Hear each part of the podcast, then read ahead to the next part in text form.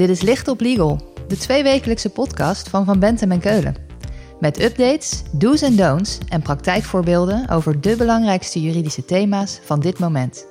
Pragmatisch vertaald naar de impact op jouw organisatie. Gebracht door onze eigen experts. Wat goed is om te weten voor HR-managers en bedrijfsjuristen is dat de onderhandelingspositie een stuk sterker is geworden. Sinds 1 januari is de wet arbeidsmarkt in balans er, de WAP. Daardoor is er een hele hoop veranderd in het ontslagrecht en rondom flexwerk. Anne Haverkort is specialist arbeidsrecht. En met haar praten we deze keer in Licht op Legal over wat de WAP betekent voor het ontslagrecht. En natuurlijk wat daarvan de gevolgen zijn voor bedrijven. Ze stelt zich even voor. Mijn naam is Anne Haverkort. Ik ben advocaat arbeidsrecht bij Van Bentem en Keulen. Ik houd mij bezig met individueel en collectief arbeidsrecht en met medezeggenschapsrecht. Anne geeft door het hele land lezingen over arbeidsrecht en de wet arbeidsmarkt in balans.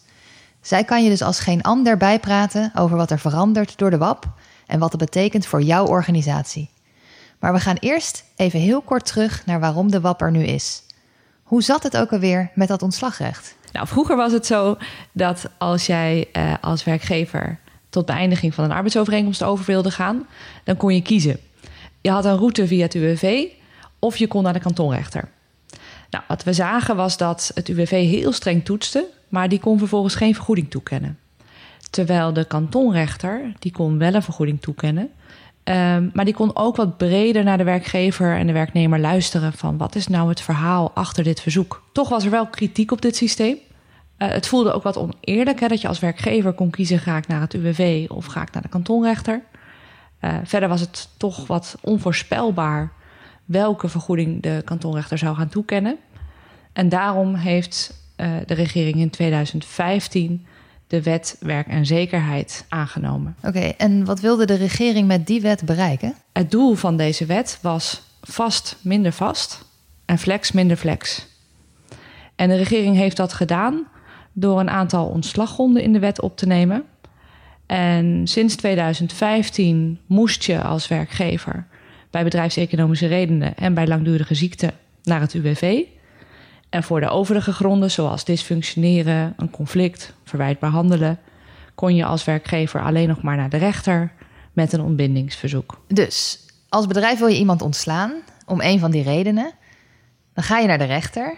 En dan? Nou, wat, uh, wat dan gebeurde was dat de rechter moest toetsen of er sprake was van een voldragen ontslaggrond. Uh, was er een concreet dysfunctioneringsdossier? Of was er een duurzaam en ernstig conflict? Um, en de rechter, als hij vond dat er een voldragen ontslaggrond was, kon vervolgens ook alleen maar de wettelijke transitievergoeding toekennen. Um, even terug. Voldragen ontslaggrond, wat is dat? Dat betekent eigenlijk dat het dossier helemaal perfect moet zijn. En uh, dat betekent dus ook dat een dossier helemaal precies in één hokje moet passen. Terwijl wat we zien in de praktijk is mensen passen niet altijd in hokjes. Denk bijvoorbeeld, uh, hey, je, je werkt bij een organisatie, je zit daar in het MT. Uh, en een van de MT-leden die heeft zich schuldig gemaakt aan seksuele intimidatie. Nou, wat je ziet is dat je als werkgever kun je dat verwijtbaar vinden. Uh, en het kan ook zorgen voor een verstoorde arbeidsverhouding. Ja, in de praktijk zal ontslag niet vaak om maar één ding zijn. Je zal al snel meerdere redenen hebben. Wat heet de rechter dan? De rechter moest tot 1 januari van dit jaar heel streng toetsen: is dit verwijt behandelen of is dit een verstoorde arbeidsverhouding? En de rechter kon uh, er niets mee dat het misschien van allebei een beetje was. Dus samengevat, je moest één reden kiezen voor ontslag. En die moest je dan ook nog eens 100% perfect vullen. Dus twee redenen, bijvoorbeeld voor 60% gevuld, dat was dan niet genoeg? Dat klopt. En daarnaast is met de wet werk en zekerheid ook een hoger beroep geïntroduceerd. Dus wat we zagen was dat rechters ook echt heel streng gingen toetsen of het dossier helemaal perfect was. En wat we ook zagen was dat als het dossier niet helemaal perfect was, de rechter niet tot ontbinding overging.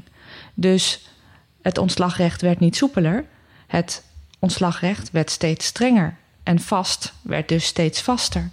En we zagen dat zelfs 70 tot 80 procent van de dysfunctioneringsdossiers werd afgewezen door de rechter. En daarvan zou je kunnen zeggen, hè, dat is in het voordeel van werknemers, want die kunnen minder snel worden ontslagen. Maar er zit ook een nadeel aan voor werknemers, want werkgevers waren ook minder snel geneigd om iemand een vast contract aan te bieden. Dus wat we zien is dat in de polder er toch wel overeenstemming was dat het ontslagrecht soepeler moest worden. En daarom is dus per 1 januari van dit jaar de wet arbeidsmarkt en balans in werking getreden. Het ontslagrecht moest dus soepeler.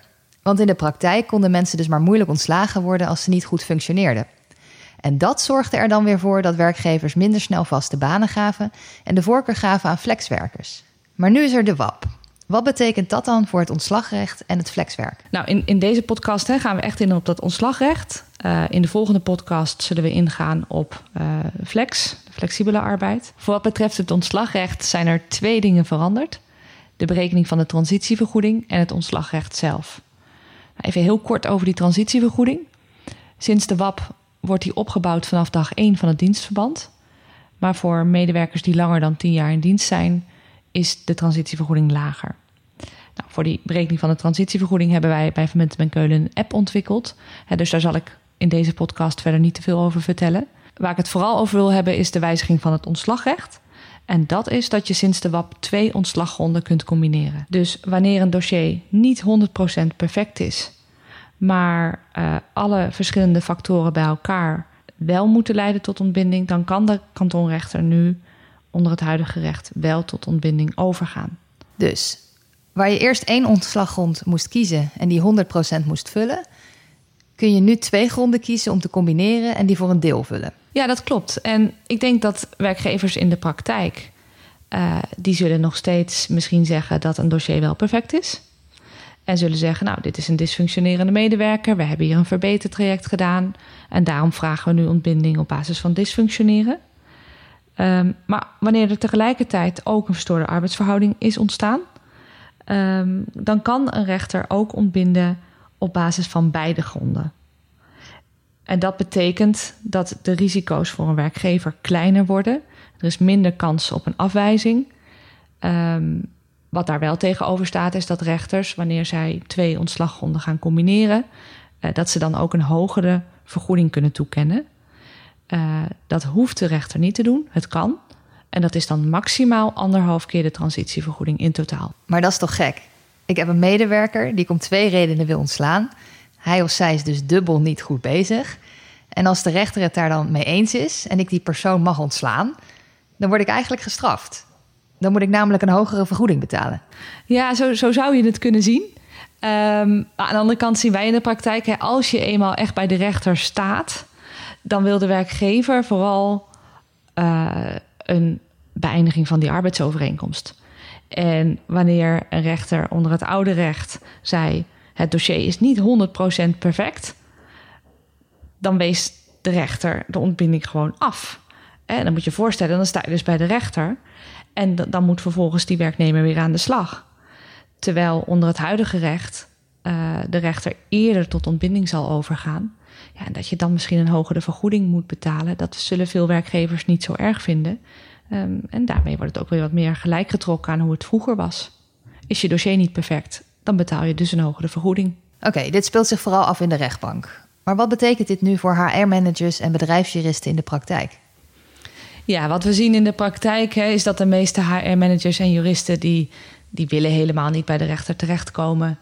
Uh, die willen gewoon, uh, wanneer uh, er echt sprake is van, van een afscheid, dan willen ze dat op een goede manier doen en willen ze een beëindigingsregeling treffen met werknemers. Maar ja, daarvoor is het natuurlijk wel nodig dat je weet wat je onderhandelingspositie is. En die onderhandelingspositie is sinds de WAP een stuk sterker. De rechter gaat eerder ontbinden. En je weet dat de totale vergoeding feitelijk maximaal anderhalf is. Oké, dat klinkt ideaal. Want als ik als werkgever de goede redenen heb om afscheid te nemen van iemand, dan weet ik nu dus waar het financiële eindpunt is. Dan bied ik dat aan en dan is het klaar. Maar zo simpel zal het vast niet zijn. Ja, er zijn drie dingen waar je toch op moet letten. Het eerste is dat uh, je kunt twee ontslaggronden combineren, maar er zullen dus wel twee gronden moeten zijn. Uh, dus wanneer je een dysfunctionerende medewerker hebt en het dossier is niet perfect, ja, je kunt er niet een conflict bij verzinnen. Dus er zullen ook wel echt daadwerkelijk meerdere dingen moeten spelen. Wil je er iets aan hebben dat je twee ontslaggronden kunt combineren? Het tweede is uh, dat je nog steeds voorzichtig moet zijn met zieke werknemers. Een rechter die zal bij een ontbinding toetsen of het ontslag verband houdt met de ziekte. En als dat zo is, dan mag een rechter niet ontbinden.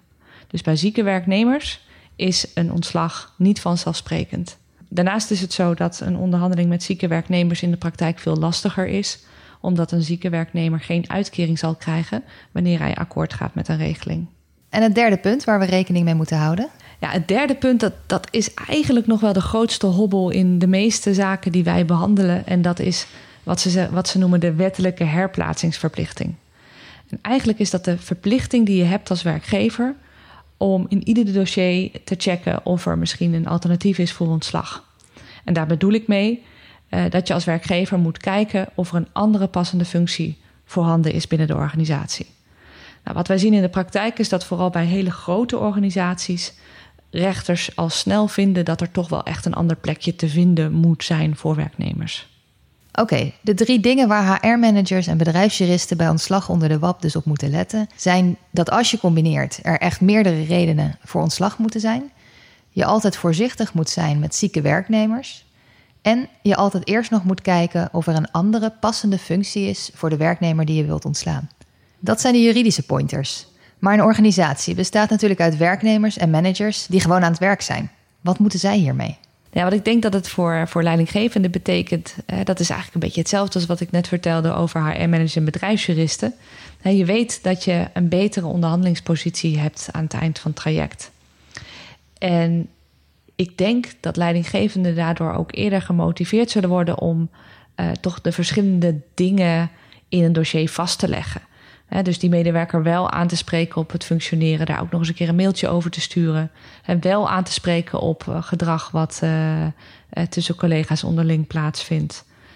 Wel aanspreken op, op te laten komen.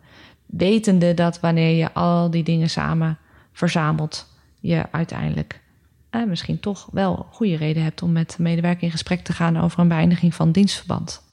Kun je een voorbeeld geven? Wat zie jij dan wel eens in de praktijk? Ik word bijvoorbeeld wel eens gebeld. Hè, dan, uh, dan gaat het om een werknemer die al heel lang bij de organisatie werkt. Echt 20, 30 jaar.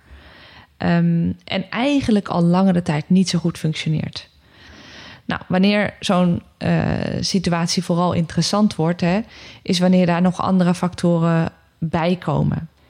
Uh, denk bijvoorbeeld aan um, een situatie waarbij uh, deze medewerker ook uh, vaak te laat komt of niet doet wat hij moet doen. Uh, dus wat je ziet is dat het echte verhaal vaak breder is dan een van die specifieke ontslaggronden die ik net noemde. En ik denk dat onder de WAP het voor leidinggevenden ook goed is om te weten dat het belangrijk is om al die verschillende dingen gewoon op te schrijven, vast te leggen in het dossier omdat uiteindelijk al die dingen samen kunnen leiden tot een goed gesprek met deze medewerker. Waarin de werkgever zegt: Dit kan zo niet langer, wij gaan over tot beëindiging. Wij bieden jou de transitievergoeding, of wat mij betreft anderhalf keer de transitievergoeding, of hè, zelfs twee keer de transitievergoeding. Wetende dat als je uiteindelijk naar de rechter gaat, je ook echt eerder een ontbinding krijgt. En de rechter maximaal anderhalf keer de transitievergoeding toekent. Kortom, voor leidinggevenden is dossiervorming met de komst van de WAP dus belangrijker geworden. Die versoepeling van het ontslagrecht betekent dus niet alleen wat voor HR-managers en bedrijfsjuristen, maar de managers en de teamleiders kunnen er bij niet functionerende medewerkers ook echt mee aan de slag. En als er nu één ding is wat ik moet onthouden, wat is dat? Wat goed is om te weten voor HR-managers en bedrijfsjuristen is dat de onderhandelingspositie een stuk sterker is geworden. In principe is het zo dat de kantonrechter maximaal anderhalf keer de transitievergoeding toekent. Oké, en waar moet ik op letten? Waar je in ieder geval wel nog op moet blijven letten is wat ik net vertelde over toch wel vaak de belangrijkste hobbel in ieder dossier. Uh, en dat is de verplichting die je als werkgever hebt om te zoeken naar een alternatief voor ontslag. Denk daarbij aan het vinden van een andere passende functie binnen de organisatie. Heb je dat als werkgever niet gedaan, dan zal de rechter het ontbindingsverzoek afwijzen. En wat we zien is dat vooral bij grote organisaties dit een heel belangrijke hobbel is in ieder dossier. En op dit punt is het ontslagrecht dus niet soepeler geworden. Anne, dankjewel. Als ik vragen heb, waar kan ik dan terecht? Ja, als je nog vragen hebt, uh, je kunt me altijd bellen. Mijn gegevens staan op de website. Of je kunt een mail sturen naar annehavenkort.vbk.nl. Dit was Licht op Legal een podcast van Van Bentem en Keulen. Te beluisteren via Spotify, Apple Podcasts of je eigen favoriete podcast-app. Wil je meer weten? Heb je suggesties over een onderwerp? Of wil je dat onze experts hun licht laten schijnen op jouw juridisch vraagstuk? Laat het ons weten via vbk.nl/slash lichtoplegal.